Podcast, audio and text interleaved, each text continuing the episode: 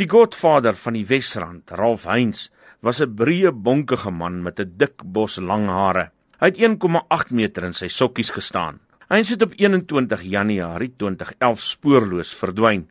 Sy eksvrou Jackie sê hy en Frikkie Lutski, 'n sakeman van Middelburg, het die vorige aand 'n afspraak gemaak om 'n goudtransaksie te beklink. Daai Vrydagoggend het sit hy daar in die kantoor. Andries Botha het hom nog gebel. En toe sê hy vir Andries, "Jy weet wat my broer, as hierdie ding, as ek hierdie deal deurtrek, sukkel nie een van ons ooit weer nie." Toe eet ons ontbyt. Toe roep hy my terug. Toe sê hy, "Skryf dit neer. Ek gaan Kitty Hawk lughawe toe. Van daar af gaan ek met 'n helikopter vlieg. Dan sal ek terug sê. Toe ek weer sien vra my vir 'n kalmeerpil, teruggekom vra polisie nou waar so is Ralph nou. Hy's weg. Sy jeugvriend en regterhand Dawie Lotter het Heinz van Kreersdorp na Kitty Hawk vliegveld net buite Pretoria geneem om saam met Lutski Middelburg toe te vlieg. Frikkie het hom gebel, gesê hoor hierso waar is jy? Toe sê Ralph ons trek hier in by Kitty Hawk. Toe sê Frikkie ek is 5 minute laat, ek is op pad. Ons ingaan by die restaurant, Toe hoor ons daar kom die chopper. Toe loop ons uit op die op die stoepie daar. Toe kom sy die chopper. Toe kom draai sy toe gaan sy die chopper omtrent so 100 meter weg. Toe kom die vrou waar haar werk, so blonde kop vrou. Toe kom sy sê sê vir Ralph, hy mag nie daar gaan land nie. Hy moet hier kom land. Kom hy so aangehaber net so hoog oor die grond. Toe gaan Ralph, toe loop hy so oor, toe maak hy die chopper se deur oop, toe staan hy so in die chopper se deur en praat. In die volgende oomblik, toe klim Ralph in die chopper. Frikkie het nog so oorgelê. Ek het my eie oog sien, toe lê hy oor. Toe maak hy vir Ralph vas met die safety belt. Choop daar gat hulle.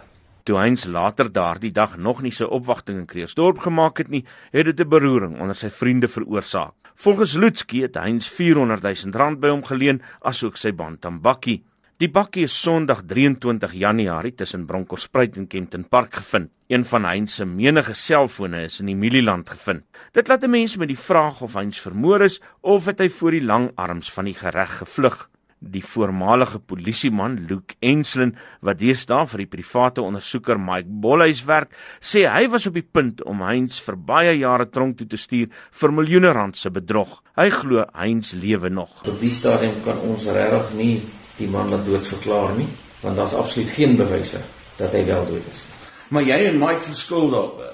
Ja, Mike verskil met my. Mike glo absoluut hy's dood.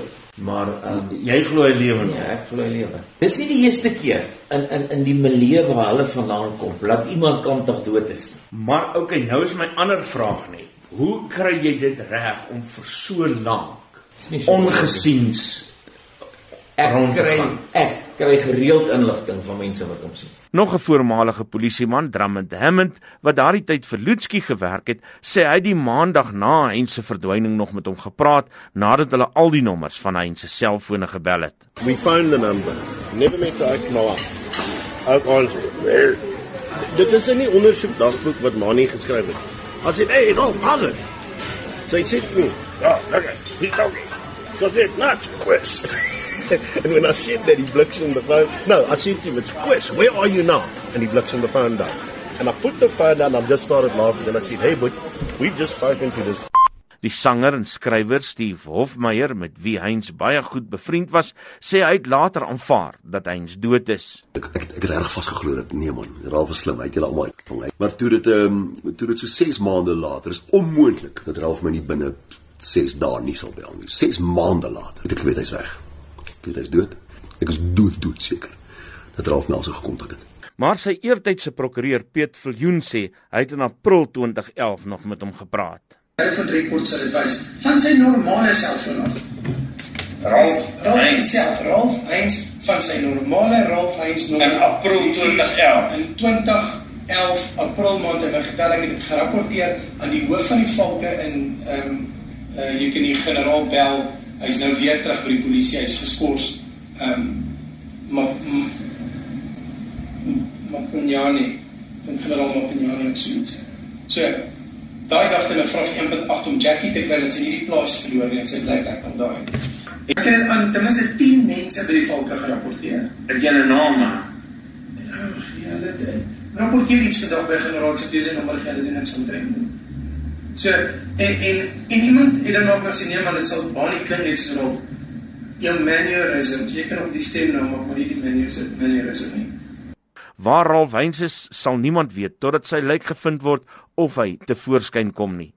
Intussen onthou van sy vriende hom met 'n mengsel van heimwee en 'n bietjie hoop dat Bollys se nuut gevonde ywer die raaisel oor Heinz se verdwyning sal oplos. Ons was stout. Ons het uit byvoorbeeld het ons gaan gaan steel ons soos ek sê 'n vrag van groente en dan gee dit vir jou tuis. Maar hy het nie goed vir hom gepad of gaan verkoop of tipe daarvan. Self verryk dit hulle kan nee, dit nooit. Nee, dit was vir hom 'n treat. Ek meen, Ralf was saam met op skool gewees. Ek Ralf en Gideon Joubert. Ons is soos battery en torch gewees, onafskeidbaar. Ralf was nog net altyd goed gewees vir my. Hy was 'n baie goeie besigheidsman gewees en hy het omgesien na die manne bevoorreg is. Dit was 'n groepie anonieme vriende van die verdwene Ralf Heinz, bekend as die Godfather van die Wesrand. Ek is Isak Du Plessis vir SAK nuus.